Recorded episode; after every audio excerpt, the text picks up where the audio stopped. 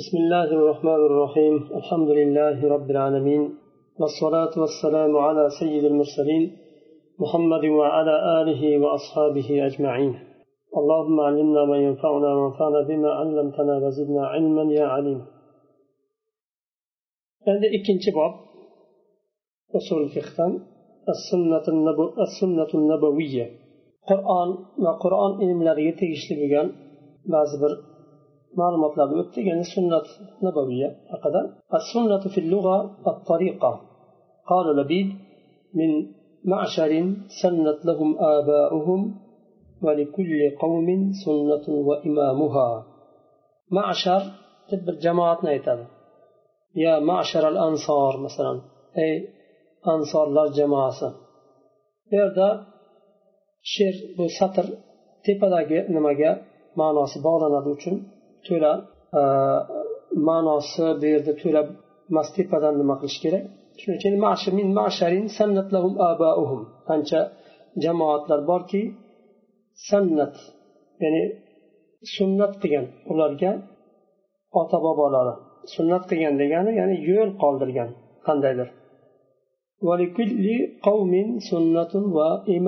Har bir qavmni o'zini sunnati ya'ni yo'li bor yo'nalishi va imomi bor. فسنة النبي صلى الله عليه وسلم هي طريقته التي مهدها للمسلمين ليسيروا عليها في دينهم رسول الله صلى الله عليه وسلم سنة لرا ومسلمانlarga tamhid qilgan tayyorlab bergan bir yo'li musulmonlar dinlarida shuni shu yo'ldan yurishliklari uchun ومن هنا تعرف السنة اصطلاحا بأنها ما أثر على النبي صلى الله عليه وسلم من قول أو فعل أو ترك أو تقرير. وشندان كيف چقد اتنسكي سنة اصطلاحا رسول الله صلى الله عليه وسلم نقل قلنجان يا سوز يا فيل عمل يا برنا سنة تفقيا نشو نقل قلنجان يا برنا سنة تقرير إقرار قلنجان shu bizga naql qilingan shularni hammasi sunnat وبعضهم يزيد على ذلك أوصاف النبي صلى الله عليه وسلم الخلقية والخلقية بعض yana ziyoda qilgan rasululloh sollallohu alayhi vasallamni xalqiy sifatlari va xulqiy sifatlari xalqiy sifatlari yaratilishlari masalan yuzlarini tuzilishi jismlarini tuzilishi yelkalari keng bo'lgan yo mana bunday falonday deb sifatlaydi sahobalar sifatlagan. Buni xalqiy sifatlar deydi va xuluqiy sifatlar ma'lum.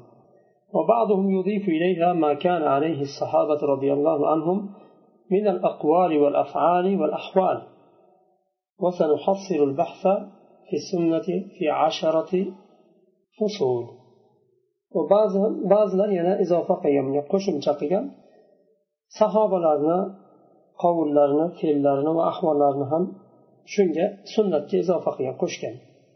Demak sunnat bobida biz o'nta faslni keltiramiz birinchisi hujjiyatu sunna. Va manzilatuha minal qur'on sunnatni hujjat ekani va qur'ondan bo'lgan o'rni. Qur'ondan keyingi o'rinda turadi u kishi sunnat hadislar. Shuning uchun o'rni qanday o'rin deyilsa qur'ondan keyingi o'rinda ما هو حجة من ما هو حجة من الأقوال والأفعال وما ليس كذلك ikkinchisi aqvol so'zlar va fe'llardan qaysilari hujjat va qaysilari hujjat bo'lmaydi uchinchisi al afalu nabaviya as sunanul fi'liya deydi boshqa so'zda ya'ni nabaviy fe'llar amallari rasululloh alayhivasallamni qilgan amallari va yana boshqa bir so'z bilan aytganda as sunanul fi'liya fi'liy sunnatlar. To'rtinchisi tark rasululloh tark qilganlar shu qilmaganlar. Beshinchisi taqrir iqror qilganlar bir narsani ko'rganlarda gapirmaganlar yo e, to'g'ri deganlar yo hech narsa demaganlar. Hech narsa demaganlar bo'lsa demak e, e, sukut saqlaganlarni o'zi u iqror qilishlik bo'ladi. Agar xato bo'lganda xatoda xatoga sukut saqlamagan bo'lardilar. Oltinchisi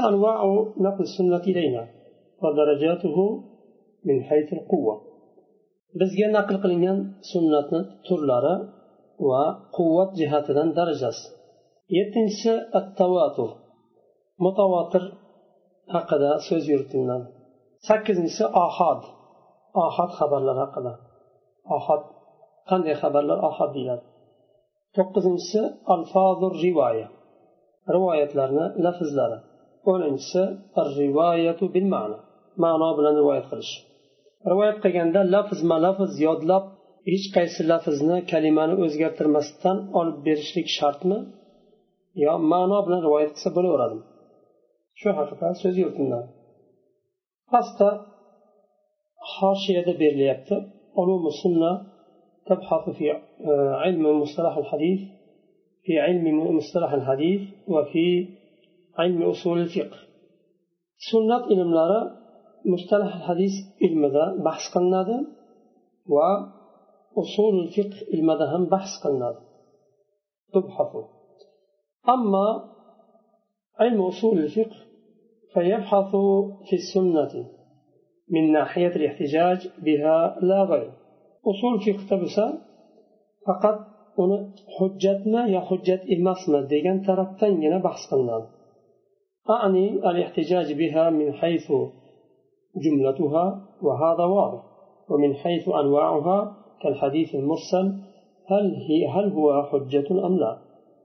ehtijojdan murod ya'ni hujjat qilishdan murod uni jumlatan nima qilishmi hujjat qilish hadisni umuman olganda hamma hadislarni nazarda tutilyapti yoinki navlari jihatidanmi? Masalan aytamiz mursal hadis hujjat bo'ladimi yo yo'qmi? Mursal hadisni jumhur mazhablar zaif deydi. Hanafiy mazhabi e, sahihdan ko'ra quvvatroq deydi. Uni sabablari bor. E, keladi o'zini o'rnida. يوم السلام حديثة كده أصول فقهتهم وتشبيره والشرط الراوي الذي يحتج بروايته. روايته حجة بلدگان راوي شرطه قند شرط أربعة أما آه، علم المصطلح الحديث فمباحثه أوسع وأكثر تفصيلا. مصطلح الحديث ilmi bo'lsa bahslari kengroq va tafsil jihatidan ko'proq ko'proq tafsilotlarni beradi حديث to'g'risida usul fiqh hadis ilmi bo'lmagani uchun kerakli o'ziga kerakli bo'lgan ilmni hadis ilmlarini bahs yuritadi. Chunki usulda hadis ilmi qo'llanadi uchun usulda e, adillatul ahkam hisoblanadi. Qur'on sunnat ijmo va qiyos. Sunnatni qur'ondan keyin ikkinchi o'rinda turadi uchun adillatul ahkomda usul fiq majbur ba'zi bir ilmlarni ko'rib o'tishligi kerak shuning uchun kerakli bo'lgan bahslarga kiriladi qolgani mustalah hadisda o'qilinadi إذ يبحث في أنواع الحديث وتسمية كل منها وكيفيات الضبط وكتابة والسماع والإسماع إلى غير ذلك وقلما يبحث أو يبحث في الحجية demak mustalah hadisda hadisni turlarini bahs qilinadi va har birini ismlarini bahs qilinadi va dobitni kayfiyati va kitaba yozishlik eshitishlik va eshittirishlik bularni hammasi nimada mustalah hadisda o'tadi. Hujjatmi yo hujjat emasmi? Bu to'g'risida juda oz bahs qilinadi nimada? Mustalah hadisda. وشو بري قارس دا أما ما يتعلق بكيفية الاستدلال للسنة القولية فسيأتي في القسم السادس إن شاء الله. أما قولي سنتنا دليل قرشلين كيفية تعلق لبغن نفسنا ألتن شقسن إن شاء الله كلا الفصل الأول عند برينش فصل. حجية السنة ومنزلتها من القرآن. سنتنا حجت إكانا ومنزلتها qur'ondan keyingi uni o'rni yoinki qur'ondan keyingi demaymiz bu yerda va manzilatuha min al qur'on ya'ni qur'ondan bo'lgan uni o'rni qur'onga nisbatan bo'lgan uni o'rni يعتقد كل مسلم أن محمدا صلى الله عليه وسلم هو رسول الله أرسله ليدعو الناس إلى أن يؤمنوا بالله إلها واحدا وأن يعبدوه ويسلكوا صراطه المستقيم har bir musulmon e'tiqod qiladiki muhammad sallallohu alayhi vasallam u allohning rasuli alloh taolo u kishini yubordi odamlarni da'vat qilish chaqirish uchun dinga allohga iymon keltirishlikka yagona iloh deb iymon keltirishga chaqirish uchun yubordi va allohni o'ziga ibodat qilish uchun va to'g'ri yo'lidan yurish uchun yubordi ومقتضى هذا الإيمان أن نؤمن بصدق النبي صلى الله عليه وسلم فيما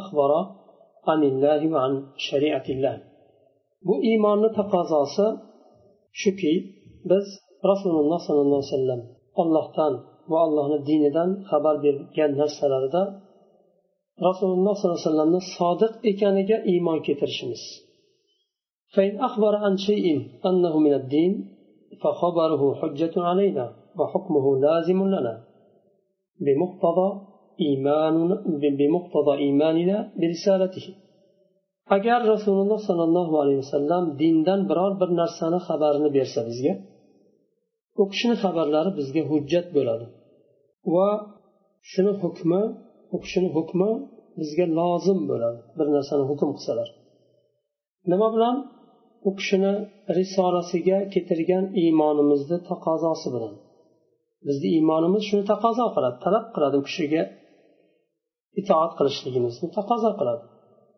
وكذلك إن فعل شيئا بيانا للدين ففعله حجة علينا أن نفعل مثل ما فعل shuningdek u kishi bir narsani dinda bayon qilishlik uchun qilib ko'rsatsalar yo qilsalar u kishini fe'llari qilgan fe'llari bizga hujjat bo'ladi biz ham u kishi qilgandek qilishimiz kerak bo'ladi فدليل حجية السنة إذن هو شهادة أن محمدا رسول الله سنة hujjat ekanini dalili biz muhammad allohning rasuli deb guvohlik keltirishimiz demakdir chunki biz allohni rasuli deb iymon keltirdikmi demak u kishini kelgan keltirgan hukmlariga tasdiq qilishimiz itoat qilishimiz shart هذا والقرآن أيضا يدل على وجوب العمل بالسنة النبوية.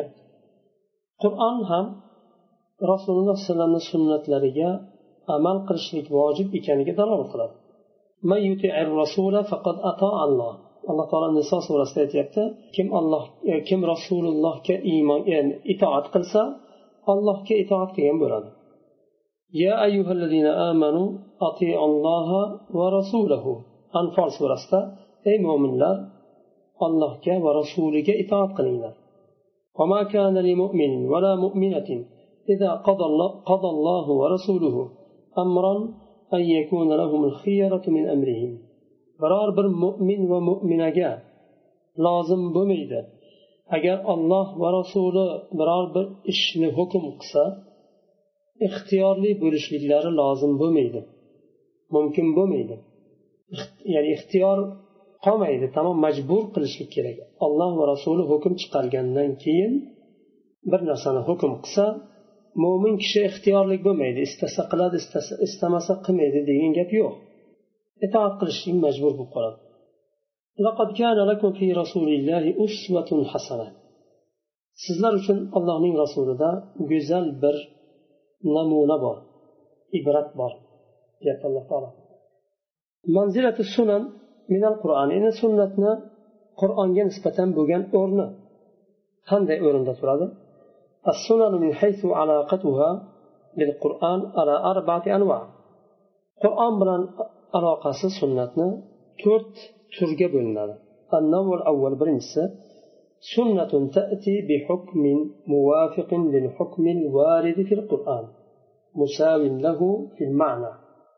ولم تزد عنه سواء أكانت قولية أو فعلية برنس ترى qur'onda vorid bo'lgan hukmga muvofiq hukm bilan keladi sunnat qur'ondagi oyatga bilan barobar ma'noda keladi bir xil undan ziyoda bo'lmaydi biror bir ziyoda sunnatda kelmaydi qur'onda nima kelgan bo'lsa sunnatda ham shuni ma'noni aynisi kelgan uni farqi yo'q deyapti shayx rahimaulloh qavliya bo'ladimi qavliy sunnat bo'ladimi yo fe'liy sunnat bo'ladimi fal qavliya endi qavliy sunnatga murod مثال كأمر النبي صلى كأمر النبي صلى الله عليه وسلم للصحابة بصيام رمضان وإتمام الحج كل ذلك موافق لقوله تعالى كتب عليكم الصيام وقوله تعالى وأتموا الحج والعمرة لله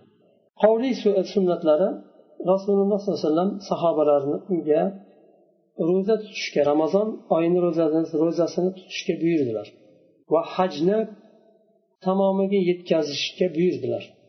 Chala tashlab ketish mumkin emas. Hajni boshlagandan keyin bitirish kerak. Bularni hammasi qur'onda ham bor. Alloh taolo kutiba alaykum oyatida ramazonni ro'zasini vojib qildi. Haj mavzusi bo'lsa va atimmul hajja val umrata lillah haj va umroni olloh uchun komil qilinglar deb alloh taolo qur'onda buyurdi fe'liy sunnatlari rasululloh sollallohu alayhi أن الله تعالى أمر في الوضوء بغسل الوجه والكفين إلى المرفقين ومسح الرأس وغسل الرجلين إلى الكعبين ففعل النبي صلى الله عليه وسلم ذلك فغسل وجهه امتثالا للأمر بغسل الوجه ومسح الرأس امتثالا للأمر بمسح الرأس وهكذا فعل سنة لبسة الله تعالى tahoratda yuzni yuvishga buyurdi ikkala kaft bilan birgalikda tirsaklargacha va boshga masx tortishga buyurdi va oyoqni ikkala oyoqni to'piqlargacha yuvishni buyurdi rasululloh sollallohu alayhi vasallam buni fe'liy sunnatda qildilar. Yuzlarini yuvdilar yuzni yuvishga buyurilgan oyatga itoat qilgan holda. Boshlariga masx tortdilar. Boshga masx tortishga e, taalluqli haligi kelgan amrga buyruqqa itoat qilgan hollarida va shuningdek boshqa misollar ham. وحكم هذا النوع أنه تطبيق لدلالة القرآن وتأكيد لها وهو ما يسمى بيان التقرير bu navni bu turni hukmi qur'onning dalolatini tadbiqi bu qur'on dalolat qilgan narsani hayotda amalda tadbiq qilishlik bu va uni ta'kidlashlik va boshqa so'z lafz bilan ishlatiladi bayani taqrir taqrir degani iqror qilishlik alloh taolo tahoratni farzlarini oyatda nozil qildi rasululloh sollallohu alayhi vasallam buni tahoratda qilib ko'rsatdilar davomli shuni qildilar bu taqrir iqror qilishlik oyatni demak bayanu taqrir uni bayon qilib ko'rsatdilar o'shani ham iqror qilib ikkinchi nav qavlun أجمل في القرآن بلفظ لا يدرى المراد منه تفصيلا فجاءت السنة مبينة للتفاصيل قرآن دا مجمل قلند بالسوز مجمل ديگani qisqa ma'nosi tushunarsiz qisqa narsani mujmal deyiladi bir lafz bilan mujmal qilindi la yudrol murodun minhu tafsilan undan murodni maqsad nima ekani bilinmaydi tafsiliy buni sunnat tafsilotini bayon qilish uchun keldi endi bunga misol ومثال ذلك أن الله تعالى أمر بالصلاة ولكن يبين أعداد الركعات ولا كيفيتها ولا أوقاتها ولا كل شروطها فجاءت السنة تبين كل ذلك وقل مثل ذلك تقريبا في الزكاة والصوم والحج. وهذا ما يسمى بيان التفسير. buni misoli alloh taolo namozga buyurdi ijmolan buyurdi uni rakatlarni adadlarini qur'onda kelmadi fajr namozi buncha zuhur namozi e, bunday rakat deb bayon qilmadi alloh taolo. Va kayfiyatini ham bayon qilmadi. Ruku sujud boshqalar nimalar. Va vaqtlarini ham bayon qilmadi. Va shartlarini ham bayon qilmadi. Tahorat shart yana boshqa narsa shart qiblaga burilib turish shart. Sunnat nabuviyya keldida bu narsalarni bizga bayon qildi. Rasululloh sollallohu alayhi vasallam aynan u kishini vazifalari ummatga allohni dinini bayon qilib berishlik. Va bunga o'xshash taqriban aytishingiz mumkin. Zakotni ro'zani va hajni ham. Bularni tafsir bayanu tafsir deyiladi. Birinchisi bayanu taqrir edi. Faqat qur'onda kelingan e, kelgan oyatlarni iqror qilib ko'rsatishlik amalda. Ikkinchisi bo'lsa qur'onda kelgan mujmal bo'lgan narsani tafsirini bayon qilishlik namoz o'qinglar deyildi rasululloh alayhi uni namozni kayfiyati rakatlari boshqa tafsiloti bilan bayon qilib ko'rsatdilar ومنه أيضا ما جاء في القرآن عاما فخصصته السنة نحو آية حرمت عليكم أمهاتكم وبناتكم إلى قوله وأحل لكم ما وراء ذلكم أخرجت منه سنة الجمع بين المرأة وعمتها أو خالتها. يانا شنو جملة سدا قرآن دا كيان عموم بك كيان نمانا حكمنا سنة كلب خاص ليدا عام وخاص هلا نمادا اتادا كيلاد أصولدا. عموم حكم دا كيان نمانا خاص ليدا سنة كلب onu alloh taolo hurrimat alaykum ummahatukum va banatukum. Sizlarga harom qilindi ya'ni nikohiga olishlik harom qilindi. Onalaring qizlaring va sanaladi axovatukum va ammatukum va xolatukum va banatul axi va banatul uxt va ummahatukum allati ardonakum va axovatukum minar radaa va ummahatu nisaikum وربائكم اللاتي وربائبكم اللاتي في حجوركم shular nima alloh taolo bir nechta sinflarni sanab o'tadi qur'onda shu sanalgan nimalar onalari qizlari opa singillari va e, nimalar ammalari va xolalari va sut tarafdan nima onasi va sud tarafdan nima bo'lganlar? Bularni hammasi kiradi xotinni onasi va xotini bilan kelgan birga qizi bir xotinga uylangan bo'lsa uni qizi ham e, harom bo'ladi nikohiga olish. Shularni sanab o'tgandan keyin sunnat keldida xosladi. Sunnatda keldi bir ayolni ammasi bilan birga jamlashlik harom qilindi. Yoyinki xolasi bilan birga jamlashlik. Bu yerda yuqorida oyatda ammatukum va xolatukum erkakni o'zini ammasi va o'zini xolasi harom qilindi hadisda ayolni ammasi bilan ayolni xolasi ham harom qilindi oyat ikkita opa singilni jamlashni harom qildi opa singilni o'rtasini jamlashlik ya'ni nikohida jamlashlik shuning uchun opa singilni bir vaqtni o'zida bir kishi nikohiga ololmaydi. Buni fuqarolar sabablarini aytadi hikmatini. U ya'ni o'rtasida nima bo'lib fitna chiqib qarindosh urug'lik aloqasi buzilmasin uchun alloh taolo buni harom qildi deydi. Deb fuqarolar nima qilgan? Olimlar.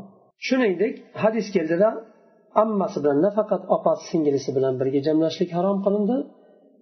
Ammasi va xolasi ham yaqin qarindosh bo'lgani uchun o'rtasida bir adovat tushmasin kundosh bo'lib bir biriga ular ham harom qilindi jamlashlik bu oyatni hukmini xoslashlik bo'ldi bu yerda.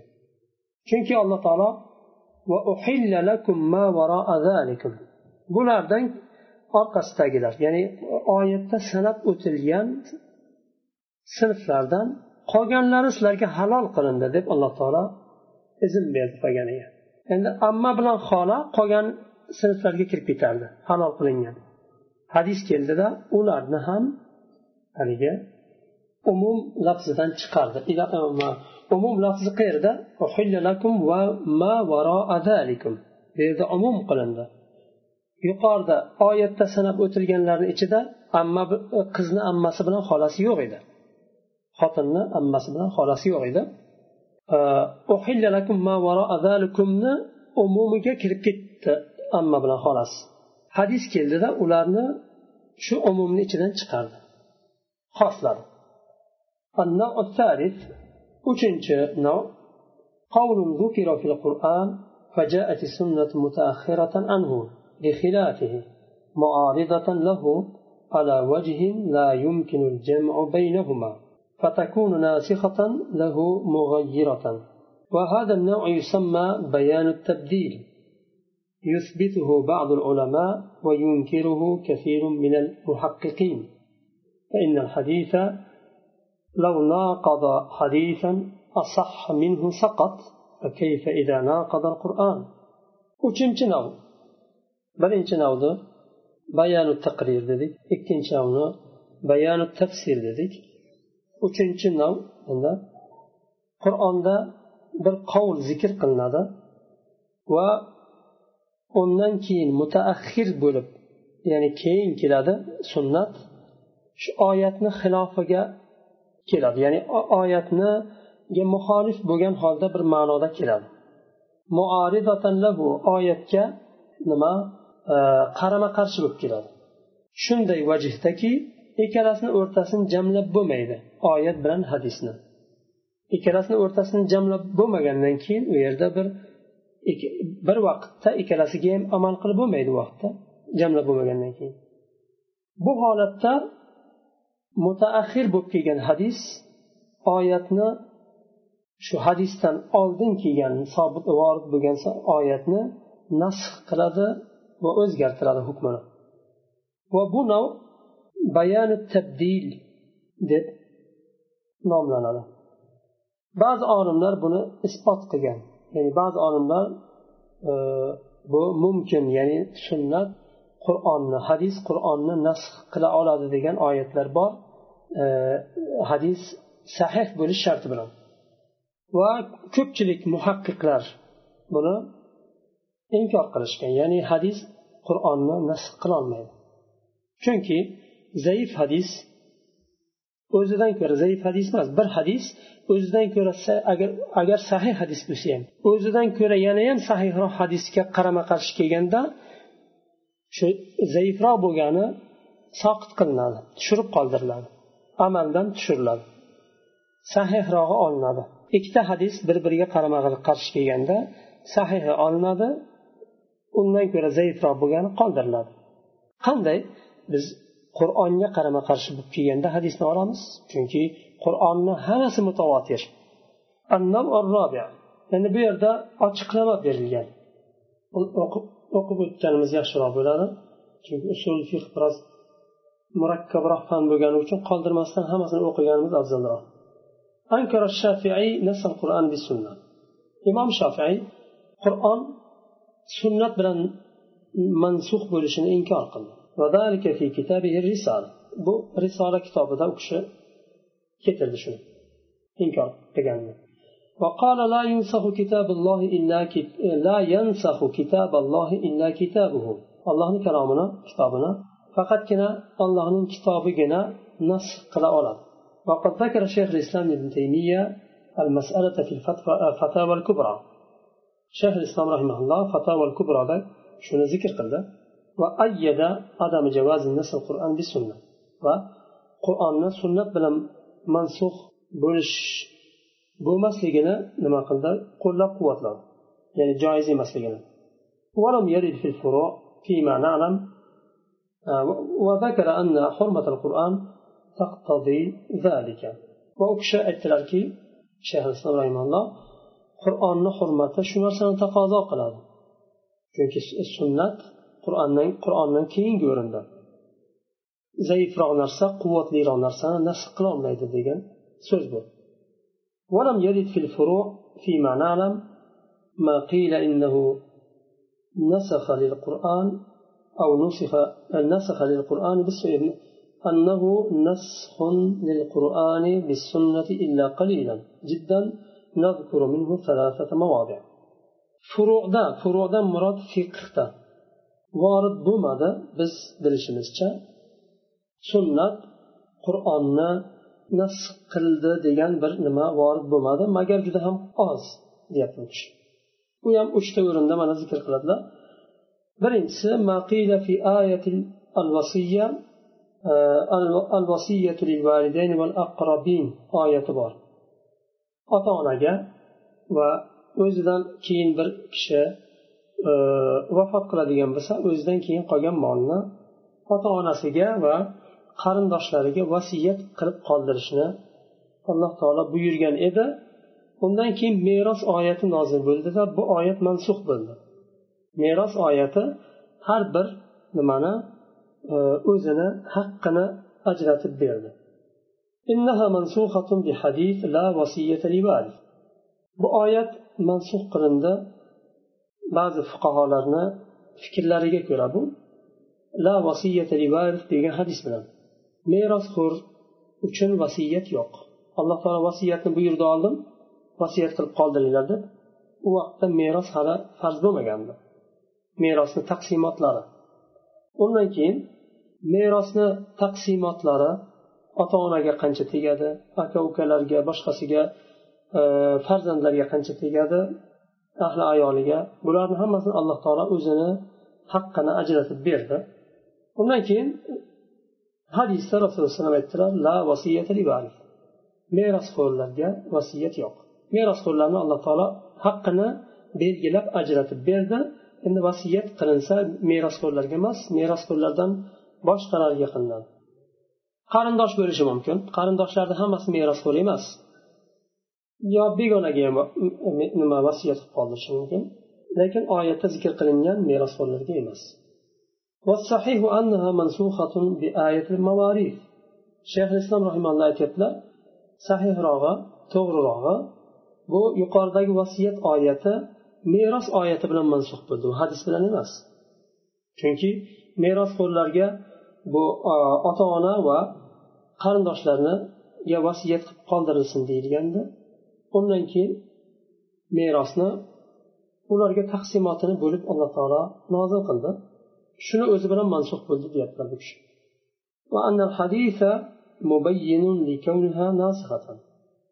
Hadis faqat e, o'sha oyatni mansux bo'lganini bayon qilib keldi xolos deyaptilar. Meros oyatlariga haligi izofa qilingan holda emas. Nasx qilib. Ikkinchisi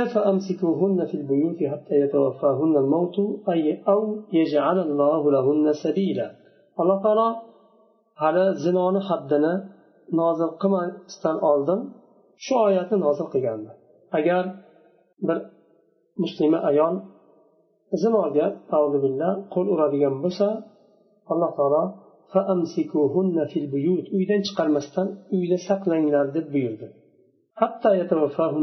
To ularga o'lim kelgunlaricha ya'ni umrlarini oxirigacha uydan chiqarmasdan uyda saqlanglar. Yoyinki alloh taolo bir ularga yo'l ko'rsatguncha bir hal yechim bir nima qilguncha berguncha. Undan keyin alloh taolo yechimini nozil qildi. Agar bu shu nimaga zinoga qo'l urgan ayol muhson bo'lsa agar erga tekkan bo'lsa toshbo'ron qilinishligi tegmagan bo'lsa darra urishligi nozil qilindi nimada? Oyatda. Ba'zi olimlar aytdi bu hadis bilan mansux bo'ldi. Hudu anni anni deb rasululloh alayhi hadisda aytdilar. Э, olinglar olinglar alloh taolo ularga mana yo'l qildi. Ya'ni yechim nozil qildi ularga. Chunki ularni yechimi yo'q edi. Faqat yo uyda saqlab turasizlar to o'lgunicha yo alloh taolo ularga bir yechim yo'l beradi. Hal ya'ni. Rajm bilan qilish yo agar turmush qurmagan bo'lsa darra urish va bir yil yashab turgan yeridan darbadar qilishlik badarg'a qilishligi masalan boshqa shahargami boshqa yurtgami badarg'a qilinadi والصواب أن أن الآية جعلت للإمساك غاية مبهمة فبينت السنة تلك الغاية to'g'rirog'i oyat faamsikuhunna fil buyut deb haligi mubham g'oyasini mubham qilgan edi ushlab turishni qachongacha ushlab turish kerakini sunnat keldida buni bayon qildi g'oyasini uchinchisi oyat tahrimul qital fil ashhurul hurum harom shaharlarida urush harom qilingan oylarda urushni harom qilinishligi وهي قوله تعالى يسألونك عن الشهر الحرام قتال فيه قل قتال فيه كبير sizdan so'raydilar ey muhammad alayhissalom harom qilingan shaharlar nimada oylarda urush qilishlik xususida so'raydilar ayting fihi kabir u oylarda urush qilish jang qilish kabir katta narsa gunoh kabira u mumkin emas ya'ni قيل إنها منسوخة بفعل النبي صلى الله عليه وسلم حيث قاتل هوزان ba'zilar aytdiki bu oyat mansux bo'ldi rasululloh alayhi vasallamni fe'liy sunnatlari bilan. U kishi havazon va saqif qabila e, nima qabilasini zulqada oyida jang qildilar ularga qarshi. To'g'rirog'i rasululloh sallallohu alayhi vasallam bu oyni tanlamadilar urushishga lekin ular jang qildi rasulullohga qarshi rasululloh o'zlarini himoya qilishga majbur edilar chunki harom shahar e, oylarida e, nima qilish o'zini himoya qilishlik harom emas mumkin lekin boshlab jang qilishlik mumkin emas كما في الحديث كان النبي صلى الله عليه وسلم لا يغزو في في الشهر الحرام إلا أن يغزى رسول الله صلى الله عليه وسلم محرم oyda ya'ni harom qilingan oyda to'rtta oy harom qilingan urush qilishlik nimalari unga o'sha oylarda harom. O'zlari g'azot qilmasdilar. Magar u kishiga nisbatan u kishiga qarshi g'azot qilinsa majbur urushardilar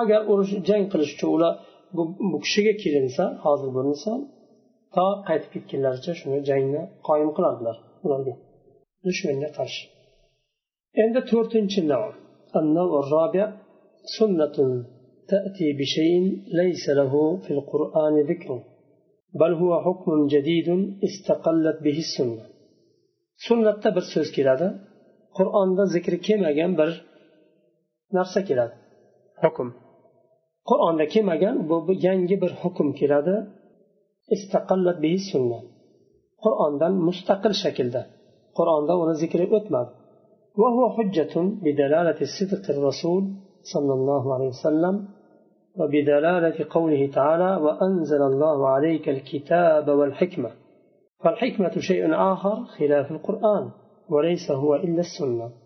وبدلالة قول النبي صلى الله عليه وسلم ألا وإني أوتيت القرآن ومثله معه bunday sunnat qur'onda kelmagan bir hukmni keltirgan sunnat hujjat hisoblanadi bizga. Bu rasululloh sollallohu alayhi vasallamni sidiq sodiq ekanliklarini dalolati bilan va allohni so'zini dalolati bilan ham alloh taolo sizga ey muhammad alayhissalom kitobni qur'onni va hikmatni nozil qildi. Demak kitob va hikmat ikkita narsa ekan. Bir biriga atf bilan ikkita narsa keltirilsa bir narsani ikki marta zikr qilmaydi. Anzalallohu alaykal qur'ana val qur'ana deyilmaydi. Bir narsani ikki marta atf bilan gap aytilmaydi.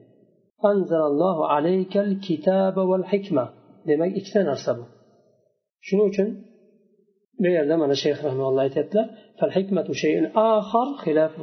hikmat boshqa bir narsa. Qur'ondan boshqa bir narsa u.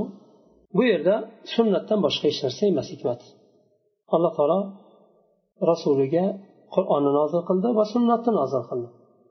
Va rasululloh alayhivasallam hadisda aytadilar ala va inni utitil qur'ana va bilinglarki menga qur'on berildi va qur'onni mislidek qur'on bilan birga yana shunday ilm berildi ya'ni u sunnat bu yerda ikkita narsa bizga bayon bo'ladi al amrul avval عدم صحة ما ذهبت إليه طائفة من الناس سموا أنفسهم القرآنيين زعموا أن المرجع الوحيد في الإسلام هو القرآن وأن المسلمين ليسوا بحاجة إلى السنة النبوية بدعوى أن جميع ما يطلب معرفته من المسلم موجود في القرآن. وعملوا تركيبة دينية هي جديدة على الدين إذ إنها لا تستمد شيئا من السنة حتى أعداد الركعات وتفاصيل الزكوات. ونحو ذلك. Birinchisi bir toifa odamlarni mazhabini sahih emasligi bayon bo'ladi bizga. Odamlarni bir toifasi bir tarafga qarab yo'naldi bir mazhab ochib olishdi o'zlariga va ular o'zlarini qur'oniyun deb ismladi. Va ular o'yladilarki islomda yagona marji qaytilinadigan narsa u qur'on deb o'yladilar. Va musulmonlar sunnatga hech qanday hojatlari yo'q. Dedilar. Va musulmondan bilishligi talab qilinadigan hamma narsa qur'onda bor deb davo qildilar. Va ular bir yangi diniy bir tarkib hosil qildilar. Dinda bir yangilik edi bu. Chunki dinga qarshi u yo'nalish aslida. Sunnatni umumanga inkor qilishlik dindan emas. Chunki ular sunnatdan hech qanday madad olmaydi ya'ni madad olmaydi suyanmaydi sunnatga. Faqat qur'on yetarli bizga deydi. Hatto namozni rakatlarni adatlari va zakotni tafsilotlarini ham ular sunnatga suyanishmaydi. Chunki sunnat qur'on deydi bular mutavotir. Lekin sunnatni bir necha kishi rivoyat qilgan ichida zaiflari ham bor boshqasi ham bor biz bilmaymiz balkim u sahih deganlarni qayerdan bildi u sahih ekanini deb o'zlariga haligi vasvasa bir haligi johillik bu o'ta johillik chunki ummatni avvalidan bu narsa sahobalardan keyingi nimalardan boshlandi hadisni jamlash ikkinchisi qur'ana ida kana بينا في تشريع ما بحيث لا يكون فيه إجمال أو خفاء فيجوز العمل به دون حاجة للرجوع إلى السنة وهذا كثير في القرآن ikkinchi tarafi biz birinchi tarafini tushundik demak qur'oniylarni yo'nalgan mazhablari sahih emas botil mazhab ekanini bildik chunki sunnat hujjat ikkinchisi qur'onda biror bir tashri bayon qilingan bo'lsa tashri u qonunlashtirish biror bir hukm islom nimada qur'onda bayon qilingan bo'lsa ki hech qanday ijmol va xafa maxfiylik bo'lmasa hammasi ochiq bayon qilingan bo'lsa qur'onda bunday nimalarda ahkomlarda sunnatga qaytmagan holda qur'onni o'ziga amal qilsa ham bo'laveradi joiz va bu buni misollari qur'onda ko'p ومن أجل ذلك ينبغي, ينبغي على طلبة العلم أن يدرسوا أحكام القرآن ويتعودوا استفادة الأحكام منه مباشرة والاحتجاج بآياته والاحتكام إليه ويجعل السنة بالمكانة التي جعلها الشرع فيها خادمة تابعة للقرآن شارح شارحة له وموضحة ومخصصة وليست ملغية لشيء منه ولا مبطلة. Shuning uchun tolib ilmlar bilishligi kerakki qur'onni ahkomlarini dars qilishliklari lozim bo'ladi. Ya'ni qur'on ahkomlarini dars qilib o'rganishlari va qur'on ahkomlaridan mubosharatan foydalanishlikka harakat qilishlari odat odatlanishliklari lozim bo'ladi. Va oyatlardan oyatlarni hujjat qilishlar va hukm chiqarishlikda oyatga qaytishliklari va sunnatni shariat qanday o'rin bergan bo'lsa o'sha o'rinda ishlatishliklari lozim bo'ladi. Qanday o'rin bergan?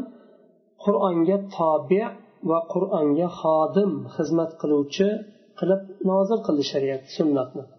Chunki rasululloh sollallohu alayhi vasallamni alloh taolo qur'onni bayon qilib berish uchun yubordi. Sharihatallahu.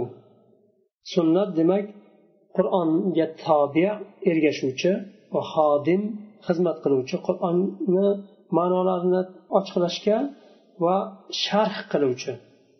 Va muvaddihatan uni e, aniqlik kiritib bayon qilib kengroq haligi muvoddih vodih qilib berishlik. Va muhassisatan sunnat yana qur'onni xoslovchi ma'nolarni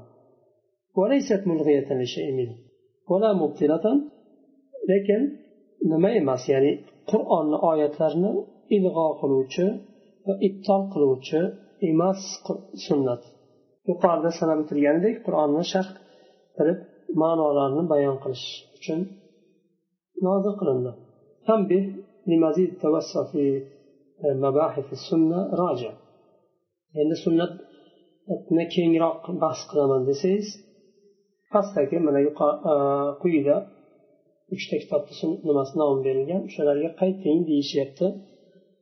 Shu yerda to'xtaymiz keyingi nimada? Darsdan ikkinchi fasldan boshlaymiz. Bihamdik.